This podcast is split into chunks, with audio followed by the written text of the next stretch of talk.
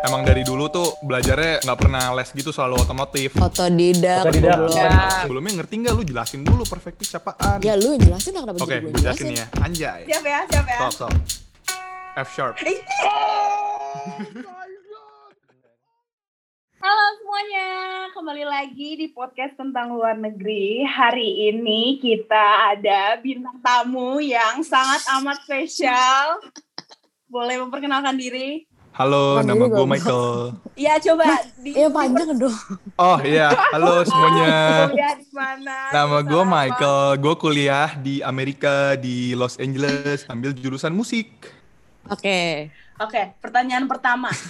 Kenapa lo memilih untuk kuliah di sana dan kenapa lo memilih jurusan itu? Eh, mulai dari musiknya dulu ya. Jadi ya, em, kenapa gue ambil jurusan musik? Jadi awalnya tuh emang dari kecil emang gue kan udah suka main musik gitu kan. Terus emang dari dulu tuh belajarnya nggak pernah les gitu selalu otomotif. Eh, Otodidak. Otodidak. Ya. kan biar kocak. mulai. Oke. Terus ya udah apa? lanjut. Terus pas mau apa mau mulai ya milih-milih kuliah gitu ya gue akhirnya decide kalau gue pengennya ya musik karena di situ passion gue juga terus gue ngerasa emang ya bagusnya gue di situ kayak gue nggak bakal di bidang-bidang lain jadi ya udah akhirnya musik. Terus kenapa di Amerika? Jadi eh, sekolah yang gue pilih itu yang namanya Los Angeles Musicians Institute itu emang sekolah kontemporeri salah satu yang paling bagus di dunia. Jadi kenapa gue masuk ke situ karena salah satunya adalah itu alasannya. Dan gue ngambil jurusan gitar di situ. Itu juga institusi gitar salah satu institusi gitar dengan instruktur-instruktur terbaik di dunia juga. Jadi bagus banget pokoknya. Jadi akhirnya gue end up ke sana. Gitu.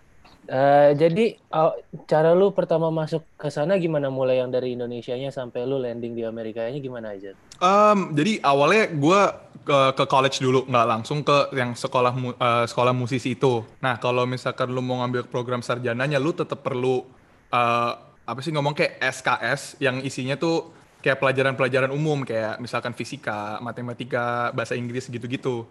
Jadi gue memang perlu ya itu itu eh, yang kelas-kelas itu. Jadi gue makanya ke college biasa dulu. And then setelah udah selesai itu baru gue ke sekolah musiknya. Nah sekolah musiknya tuh waktu itu Um, kalau nggak salah cuman perlu nulis esai gitu kayak dikit doang sama ada uh, kayak semacam au- apa audisi jadi lu kayak mesti masukin beberapa video lu main lagu dan mesti ada um, ngerekam suara juga gitu kayak jadi ada kayak suatu pertanyaan kenapa lu masuk sekolah musik nah situ ntar gue rekam gue kirim ke mereka itu juga jadi salah satu requirement untuk masuk terus ya iya sih itu doang sih paling waktu itu pas proses masuknya Tadi lu udah ngomong belum specifically music majornya tuh apa?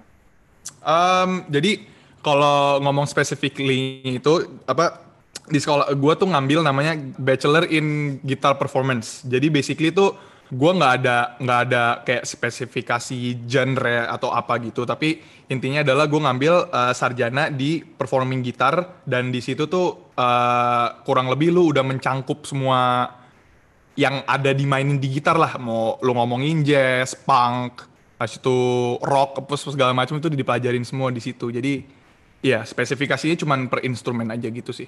Oke. Uh, dan how how did you end up uh, di apa Los Angeles Music Institute itu? Apakah lu emang daftarnya itu doang atau lu ada tempat lain mungkin yang lu daftarin atau cerita? Awalnya gue lumayan uh, consider ke uh, namanya Berkeley di Boston. Hmm. Cuman itu sekolah musik yang konservatori. Kalau konservatori itu berarti kan lebih kayak yang apa ya kayak lu main di orkestra yang isinya cuma main jazz jazz doang gitu yang kalau lu tampil Mhm, tuh mhm. di gedung-gedung yang yang musisinya duduk baca baca kertas. Nah, sementara Ya, gue oke. pengennya tuh lu ke panggung ya lu asik-asikan gitu dong yang kayak musik kontemporeri lah yang maksudnya yang sebeda 180 derajat dari yang sekolah yang di Berkeley itu. Plus sekolah yang di Berkeley juga itu masuknya sangat susah. Dan pada saat itu gue nggak ada background musik sama sekali. Gue nggak pernah les atau apa segala macam kan yang tadi gue bilang. Jadi makanya gue memutuskan untuk masuk MI karena mungkin bisa dibilang relatively kurikulumnya di kasarannya lebih enteng yang di MI. Nggak berarti lebih nggak seberkualitas yang di Berkeley. gitu. Berarti Mike bisa dibilang ya waktu itu ya ini buat pada yang nggak tahu waktu itu gue sama Mike eh, di college bareng kan di divisi di DSF. Berarti waktu itu lo nggak ada plan B ya? Maksudnya lo bener-bener tahu kalau misalnya lo akan masuk MI gitu lo nggak ada kayak orang-orang lain kan daftar sana daftar sini waktu itu lo nggak ada.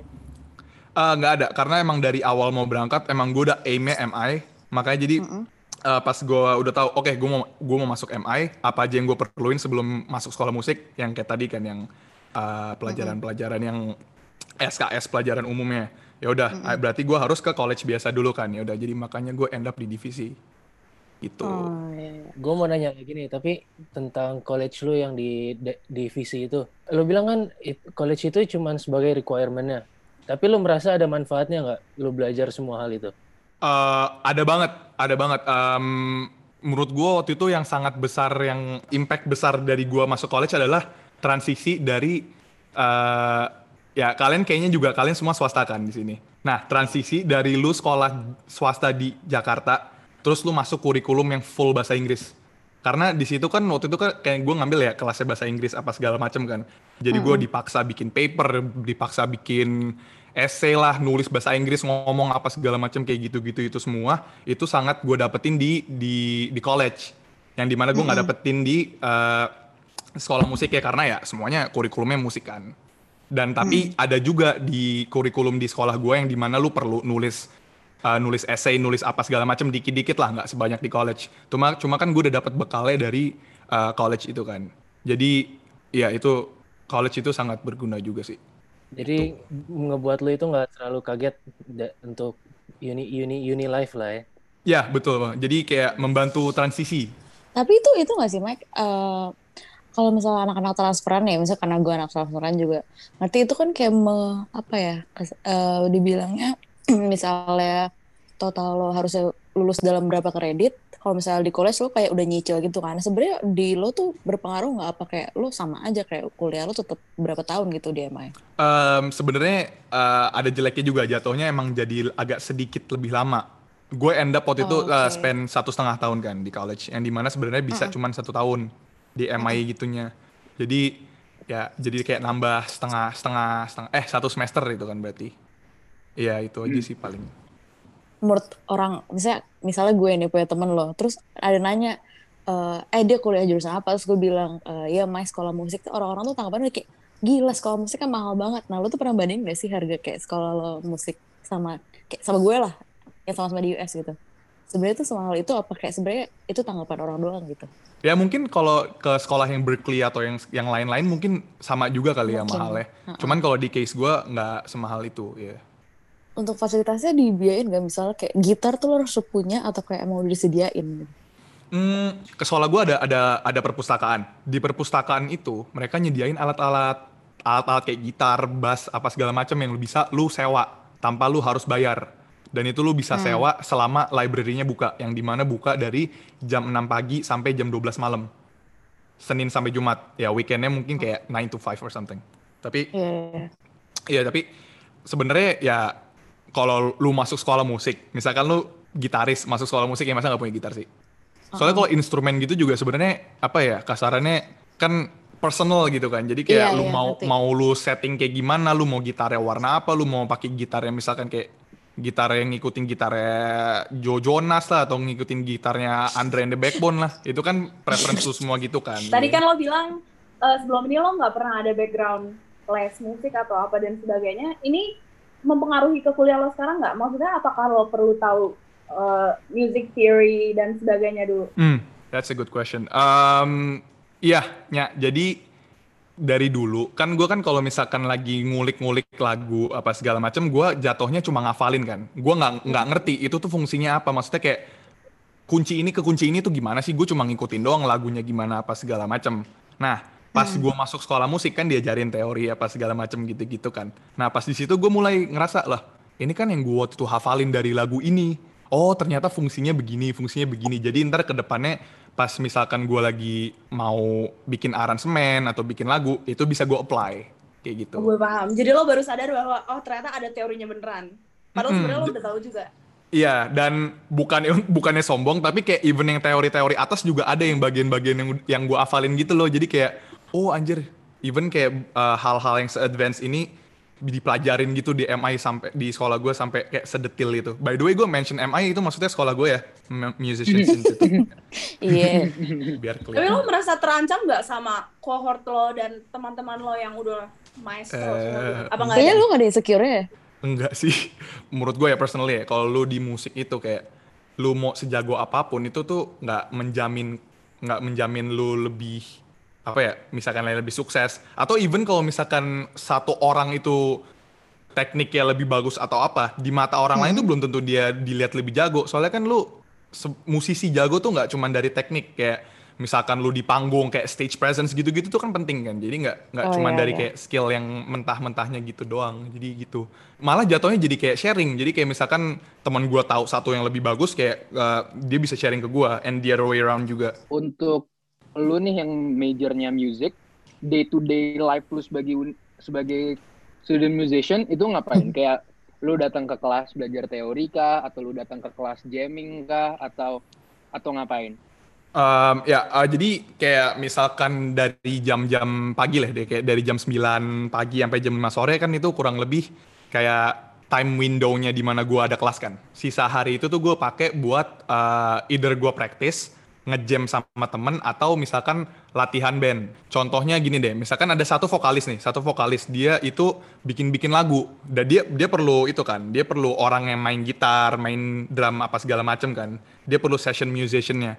Nah, di situ tuh kita-kita yang sebagai instrumentalis datang eh, menyediakan jasa buat mereka. Jadi misalkan ada yang ngambil gue sebagai gitaris, oh yaudah kita latihan setiap hari Rabu sama Jumat ya, jam 7 sampai jam 10 tiap minggu ya udah berarti start hari Rabu sama Jumat jam 7 sampai jam 10 gue latihan sama mereka. Gue tuh biasanya di sekolah, nyampe sekolah tuh bisa kayak jam setengah 9 pagi, baru pulang itu jam jam 11 malam itu termasuk cepat pulang. Karena gue spend most of my time di sekolah juga. Ya itu kayak tadi ya, either gue latihan lah, jamming lah, atau ngeband lah, atau sesimpel ya udah sama teman-teman sesama musisi ke apa ke bar seberang sekolah ngobrol-ngobrol aja networking gitu apa segala macem seru kayak ya gitu. Mungkin bedanya kasusnya Mike sama kasusnya kita adalah kalau misalnya dia mau mau bikin project atau kayak mau tampil full band lah, berarti dia harus kerjasama sama lintas major, ya nggak sih? Kayak lo berarti lo harus harus kerja sama yang main drum, harus kerja sama yang vokal. Sedangkan kalau misalnya kita kan kayak ya udah gue teknik industri, ya bikin project sama yang, yang industri aja. Sedangkan kalau lo kan harus punya networking yang bener-bener harus bisa buat berjalan gitu kan. Iya, ah, ah, betul. Jadi um, sesimpel tadi ke bar sama temen-temen kayak gitu tuh bisa bikin gini deh. Misalkan gue lagi turun nih, gue lagi turun ke bawah, lagi nyari angin nih berdiri berdiri berdiri. Habis itu misalkan ntar ada orang lain, misalkan orang lain lagi ngerokok atau apa gitu berdua. Musisi SKSD kan, ini gue kasih tau ya, musisi tuh SKSD banget. Misalkan ada tiga orang ngumpul, ada satu orang berdiri celengak-celinguk, either biasa dipanggil atau tiba-tiba nyamperin ya udah ngobrol-ngobrol aja segala macam gitu. Jadi ya lintas lintas major tuh sangat diperlukan, ya karena nggak mungkin kan gue main gitar, main drum, nyanyi sama main bass Iya, bersamaan. setuju. Iya tangan Ah, gue iya kurang sih kebetulan jadi ya gitu. misalkan eh, kan lo juga nyanyi kan ya Mike tapi itu padahal nggak nggak diharuskan kan sebagai lo major musik lo eh sebagai lo major ma- gitar lo harus nyanyi. Even lo kayak bisa nyanyi pun itu lo tetap harus bisa kerja sama sama yang lain. Kalau instrumentalis Mm-mm. bisa bisa nyanyi. Itu tuh lu bakal dapetin job lebih banyak dibanding gitaris yang jago banget tapi nggak bisa nyanyi. Karena kalau misalkan lu bisa nyanyi backing vocals itu sangat bakal sangat berguna banget gitu loh misalkan Raisa nih hire gitaris tapi gitarisnya nggak bisa nyanyi ya berarti dia harus hire uh, backing vocals lain kan Oh, ya. As opposed to kalau misalkan dia bisa hire gitaris yang bisa nyanyi juga, duitnya hemat, as itu juga nggak usah nambah-nambahin orang di stage juga kan. Jadi kayak lebih praktis dan lebih higienis. Berarti lo eh, kuliah musik itu udah cita-cita dari dulu atau pas lo berencana ke Amerika lo baru menentukan?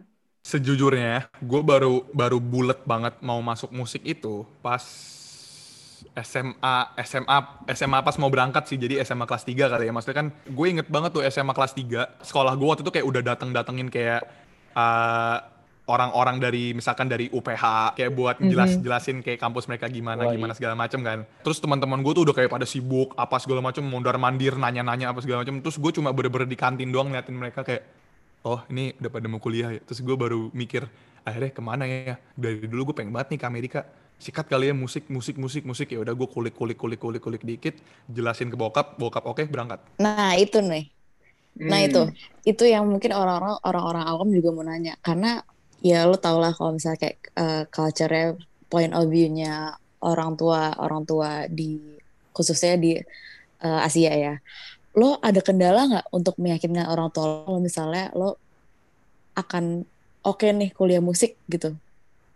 Em, ada banget. Pas awal-awal Oke. gue bilang mau musik itu tuh sebenarnya bokap gue awalnya nggak nggak nggak terlalu open ke ide itu. Cuman gue lebih apa ya? Intinya gue bilang aja kalau gue masuk major ini, gue bakal begini begini begini begini.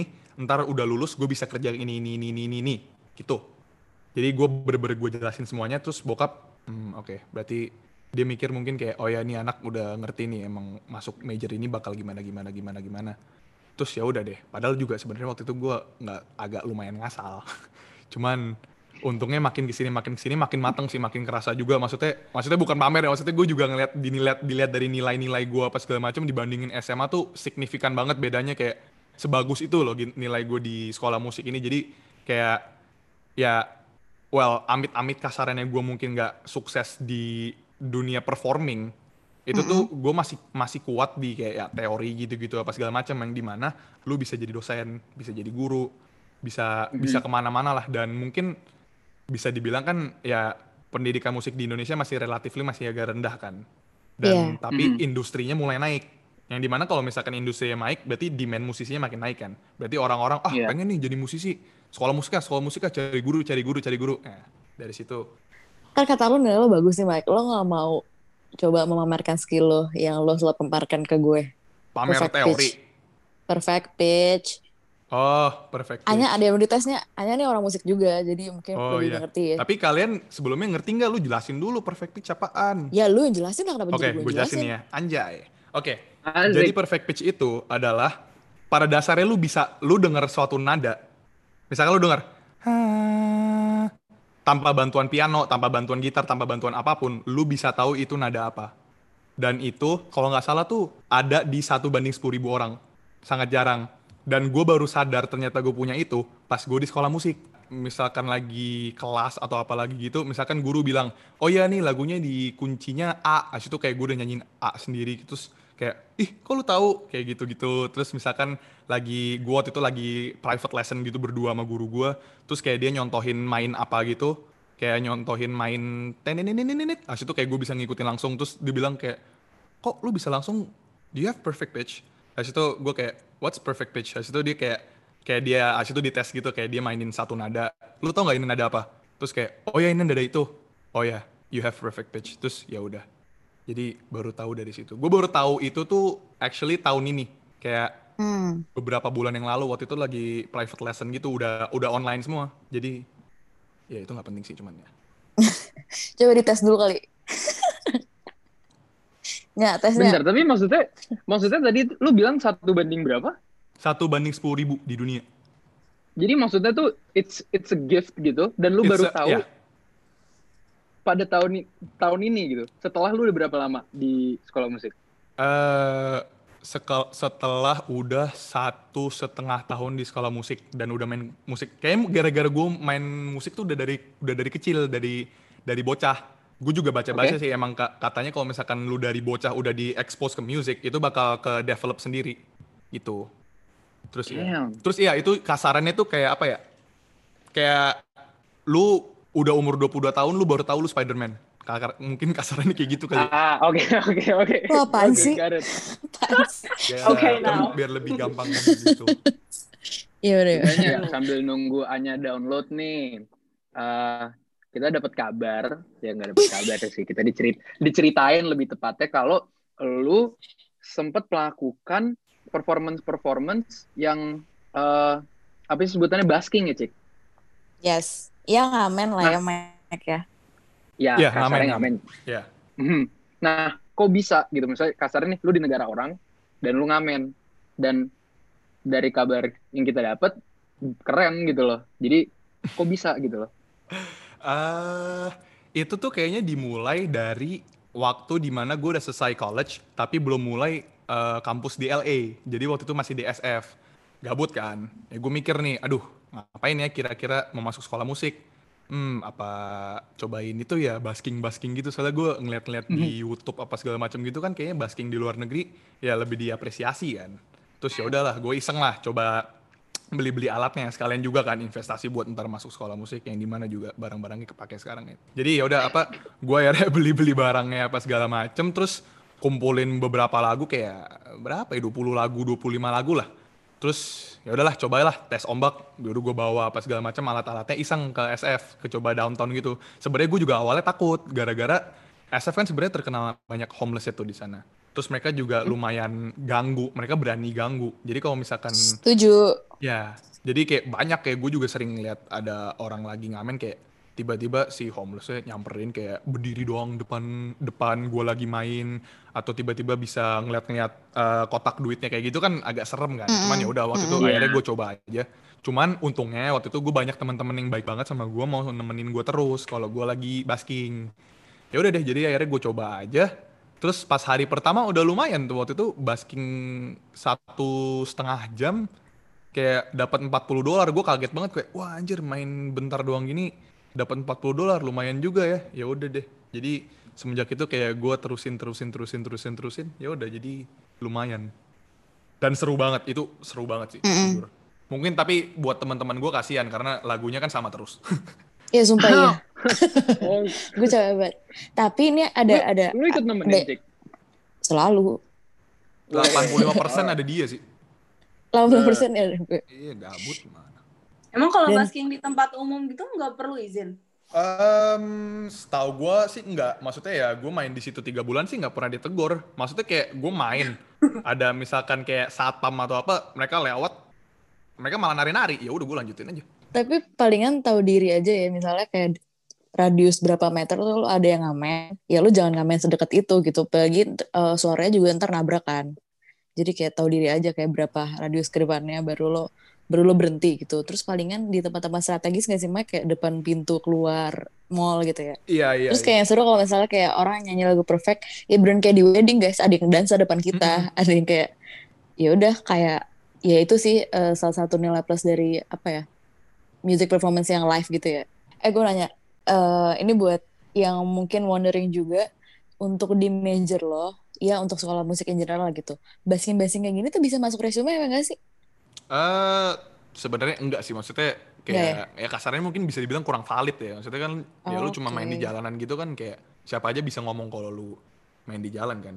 Cuman Mhm. eh, sisi bagusnya adalah itu apa naikin apa ya naikin ya mm, banyakin jam terbang lu Jam terbang gitu. ya. Heeh. karena ini gue juga masih ngerasain sekarang main depan orang tuh sangat serem ini gue maksudnya lagunya segampang apa pun ada lima orang nonton ya itu tuh udah serem. Gue gue tuh tetap takut. Cuman pas udah main tuh rasanya kayak seru banget. Cuman ya jadi kayak basking basking kayak gitu lumayan itu sih bantu naikin rasa percaya diri. Sama endurance juga. Soalnya kan kalau misalkan basking kan lu bisa main kayak 2-3 jam kayak yang tadi gue bilang gitu kan. Mm-mm. dan Non-stop, sementara kalau ya. misalkan nanti lu di sekolah musik gitu kan lu juga bisa ada uh, misalkan dari sekolah yang di mana lu perlu main lama atau misalkan ada gig yang lu emang perlu lama juga itu juga ngebantu juga. Terus ya luma, na- lumayan nambahin itu juga sih nambahin apa followers. Soalnya gue naro nama Instagram gue juga gitu di mic stand gue kayak at Mike Shoes 98 itu jadi kayak sekali manggung tuh lumayan bisa 7-10 orang nambah followers di mention mention story apa segala macam ada pernah satu cewek yang sampai sampai godain gitu anjir kayak dia ngomong apa gitu kayak kayak gitulah kayak banyak banget pengalaman-pengalaman dari yang gue dapetin dari kayak se sesimpel naro apa naro uh, username Instagram di pas lagi basking gitu. Kenapa namanya Mike Shoe? Aduh, Here we go again. Jadi Gogen lagi. Kayaknya udah sering nih kayaknya. bahkan ada orang ngira tuh marga kan Mike? Ya, jadi nama gue tuh Mike Shu tadinya ada orang-orang ngira kalau Shu-nya tuh ternyata nama marga. Ternyata sebenarnya bukan. Mike Shu tuh jadi kayak waktu itu gue lagi bikin Twitter pas zaman SMP. Terus zaman SMP gue lagi suka-suka main basket kan, lagi kayak ngeliat-ngeliat sepatu mulu apa segala macem. Terus gue mikir kayak Michael, Michael, Michael, nama username Michael, Michael, Mike, Mike, Mike Shoes. ah Mike Shoes jelek, coba dibikin singular Mike Shoe. Oh keren juga, tambahin tahun lahir deh, Mike Shoe 98. Ya udah jadi dari situ sampai sekarang namanya melekat terus. Gimana? Tapi ada ada juga orang yang bacanya jadi Mike's Home Mike. Lu nggak tahu itu? ya itu kan kalau misalkan masalah kayak gitu kan ya gue gue ting apa gue serahkan gue serahkan ke perspektif mereka aja lah. Iya, iya. Atau nanti Eh. kalau lo udah kalau lo sudah makin terkenal nanti fan club lo namanya Mike's House. Kalau cowok They can be Yeah. your host as well. Eh, ya. ya boleh deh Eh btw Anya udah download nih. Kita jadi main game. Ayo ya. Main game, main, game. main game. main game. Main game. Tunas challenge. Lu kasih tau mereka dulu lu mau mainin apa. Iya Udah. udah tapi mereka nggak ngerti juga. Ngerti. Koreksi gue doang yang nggak ngerti. Oke siap ya siap ya. Sok sok. F sharp. Oh my god. Bener. Oh my god, itu bener loh. Itu bener loh. Oh kok bisa ya? Ya itu dia satu banding sepuluh ribu lagi coy. lagi lagi lagi lagi. lagi. Jadi last question ya. Dengan lo kuliah musik di Amerika ini, apa sih yang lo harapin? Oke, eh, awalnya waktu gue pertama kali masuk di sekolah musik di MI, itu tuh gue pengen banget jadi kayak artis, eh, apa kayak model-model artis internasional yang emang kayak yang based di LA, orang Indo di LA yang berkarir gitu apa segala macam lah kan keren kan gitu dengerannya. Cuman makin ke sini, gue makin realistis juga. Maksudnya eh, industri di sana tuh sangat berat. Maksudnya di Amerika tuh musisi-musisi tuh udah levelnya udah jauh lah sama di Indo, walaupun tetap bisa bersaing. Cuman maksudnya kompetisi di sana tuh sangat berat. Dan gue ngerasa kayaknya ya mungkin terlalu susah lah kalau misalkan mau di sana. And then gue ngerasa juga makin ke sini makin ke sini itu tuh industri musik di Indonesia lagi naik banget. Nah, ya gue sebagai sebagai NKRI NKRI harga, harga mati ya gue mau dong kontribusi mm, apa ya naikin naikin industri musik di Indonesia juga. Dan gue juga ngerasa kayak gimana ya kayak gue ngeliat-ngeliat YouTube YouTube di Indonesia masalah musik-musikan apa segala macam juga sebenarnya ya musisi-musisinya juga sebenarnya nggak kalah-kalah jago, cuman mungkin industrinya aja yang berbeda. Yang di mana mungkin di Amerika itu leb- jauh lebih diapresiasi dibanding di Indonesia. Makanya mungkin kalau kalian baru pada denger belakangan-belakangan ini udah mulai diperjuangkan kan tuh eh, hak-hak musisi kayak udah mulai dibikin kayak eh, undang-undang apa segala macam lah. Jadi mungkin dari situ ya itu mungkin sebagai kayak eh, tahap di mana industri Indonesia, industri musik Indonesia bisa naik lebih mantep lagi dan akhirnya kalau bisa go internasional. Jadi kayak K-pop anjay. Oke, so- hold on. Uh, ini jadinya last question dua kali. Tapi beneran last question soalnya belum sempat ditanyain. Uh, how do you find the student culture in LA or San Francisco? Di waktu di SF-nya kayak komunitas sama Indo, main basket sama Indo mulu, ngumpul sama Indo mulu apa segala macem. Pas gua masuk ke sekolah yang di LA, gua lebih banyak itu sih, lebih banyak bergaulnya sama yang bule-bule atau yang dari ya pokoknya yang dari datang ke Amerika dari luar negeri gitu, yang international student juga. Jadi ya itu kan untuk memperluas network juga dan itu sangat membantu bahasa Inggris juga. Maksudnya kayak ya bahasa Inggris let's face it itu kan udah sangat berguna banget kan sekarang. Gue waktu di SF gue ngerasa bahasa Inggris gue kayak pas-pasan banget kayak bener-bener cuman buat tulis essay, buat pesen hokben atau apalah. Kalau pas udah ke LA itu bener-bener udah kecipratan apa ya American culture lah gitu. Oke, so before we finish this session, apakah ada hal-hal yang ingin lu sampaikan untuk orang-orang yang memiliki ketertarikan untuk kuliah musik? Tips and tricks Um, lah. Ya, pokoknya intinya kalau misalkan emang lu ngerasa itu jalan lu, kejar gitu deh. Apa ya kalau tips-tipsnya ya? Em, buat orang-orang yang mau sekolah musik, nggak cuma sekolah musik, kuliah ke luar negeri apa kuliah apa segala macam kan emang pasti kan butuh banyak duit. Jadi ya plan accordingly gitu. Nambahin tips juga, semua sekolah itu nggak ada yang gampang ya. Sekolah musik itu nggak gampang. Lu berbakat doang nggak cukup, lu bener-bener mesti bener-bener all out lah, bener-bener all out. Karena lah, kalau misalkan lu all out, bakal kerata itu hasilnya. Itu kan nggak cuma di sekolah musik, maksudnya itu in general lu mesti kayak gitu kan. Jadi ya common sense aja. Jadi Berarti menurut lo untuk orang-orang yang misalnya cita-cita kuliah musik tapi mereka merasa skill mereka belum sebegitunya, should they go for it? gue kalau masalah kayak gitu sih jujur gue mau balikin ke orang orangnya lagi aja Kalau emang lu mungkin nggak terlalu jago, tapi kalau misalkan emang lu komitmen mau sekolah musik, lu bakal bakal mau bener-bener kerja keras ya, go for it, itu loh. Cuman ya balik lagi komitmen. Oke, Mike, thank you banget udah join podcast kita kali ini. Semoga ini bisa bermanfaat buat teman-teman kita yang tertarik kuliah di Amerika dan juga kuliah musik. Nah, sebelum kita nutup nih, lo mau promosiin sesuatu nggak? Uh, ya sebelumnya gue juga terima kasih ya sama kalian mau apa mau ngundang gue sebagai ya kasarannya narasumber juga. Juga siapa tahu kan bisa berguna buat teman-teman di luar sana yang mungkin emang mau ngejar di sekolah ngejar apa ngejar mau masuk sekolah musik gitu. Mungkin semoga ini juga bisa jadi bermanfaat apa segala macam. Terus kalau masalah apa? Kalau misalkan masalah single ya jadi kebetulan ya belakangan belakangan ini ba- saya baru mengeluarkan single. Single yang saya kerjakan featuring bernama mus- bersama musisi bernama Sri Hanuraga. Bisa dicek di Spotify atau dicek dari link Instagram yang nanti akan dicantumkan oleh teman-teman dari podcast ini. Ya, kalau misalnya orang, Instagram. Yap, mm-mm. Oh ya, at apa? Instagram at MikeShoe98 sesuai dengan nama yang dari tadi kita sudah bahas. Semoga Alright. namanya kece ya. Mike Shoe, Mike Shoe, Mike Shoe, Mike Shoe, Mike Shoe. Nah, itu biar kalian nggak lupa. Di Spotify juga Mike Shu namanya. Di Spotify Nah. ada, di Apple Music ada, semuanya ada. Namanya Mike Shu. Iya, yang nggak ada di Friendster. Ya betul. Ya. Emang namanya Mike Chu, Mike? Bu, bukan L. Michael. Oh nggak, kalau misalkan di nama panggung, gue sebenarnya pakai namanya L. Michael. gitu. L. Michael itu dari Albert, Iya tahu. terus disingkat. Kalau Albert Michael kan kesannya kayak dua nama depan dijadiin satu. Jadi ya, ya udah gue jadinya L. Michael. Nah, buat eh, buat teman-teman kalau misalnya kayak mau nanya-nanya langsung, boleh DM Mike ya. Boleh nggak Iya, Mike? D- DM aja DM DM DM. Nanti gue balas-balesin.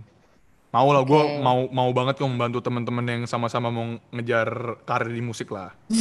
Oke, terima kasih banget Mike udah datang di podcast kita pada episode kali ini. Thank you guys. Uh, untuk teman-teman jangan lupa follow at podcast tentang luar negeri di Instagram, Spotify, Snapchat, Apple Music dan jangan lupa juga untuk Ngarang follow, nggak untuk follow Mike Shoes 98 dan single terbarunya di Spotify dan Apple Music. Alright, thank you so much and we will see you Tunggu. on the next one. Eh, belum. Tunggu, belum. Oh, plot twist. Terakhir nih, Marvel terakhir post dong. credits. Terakhirnya. tes lagi dong, Oke. tes lagi dong. Aduh, kita tes lagi ya? lagi. Sekarang Tes lagi. sekarang kita akan tiga nada berturut-turut. Wow, wow, wow, wow, wow, wow, wow. Kan ada Gila kan ada jedanya. Reputasi nih, reputasi. Ada jedanya lu. Kalau nggak bisa tenang, tenang. boleh. Kalau gagal dikat, kalau gagal dikat. Kalau gagal kita edit, kita edit gampang. Iya, benar, benar. Siap Saya ya. baru sadar ini 6 bulan yang lalu, guys. Oke, lanjut.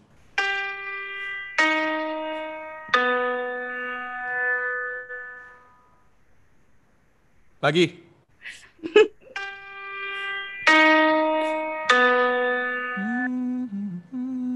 Yang terakhir tuh B. Yang pertama Iya. tuh nggak salah G. Eh, tengahnya E flat. Bener? Yeay. Oke guys, see you di next episode. Bye. Bye.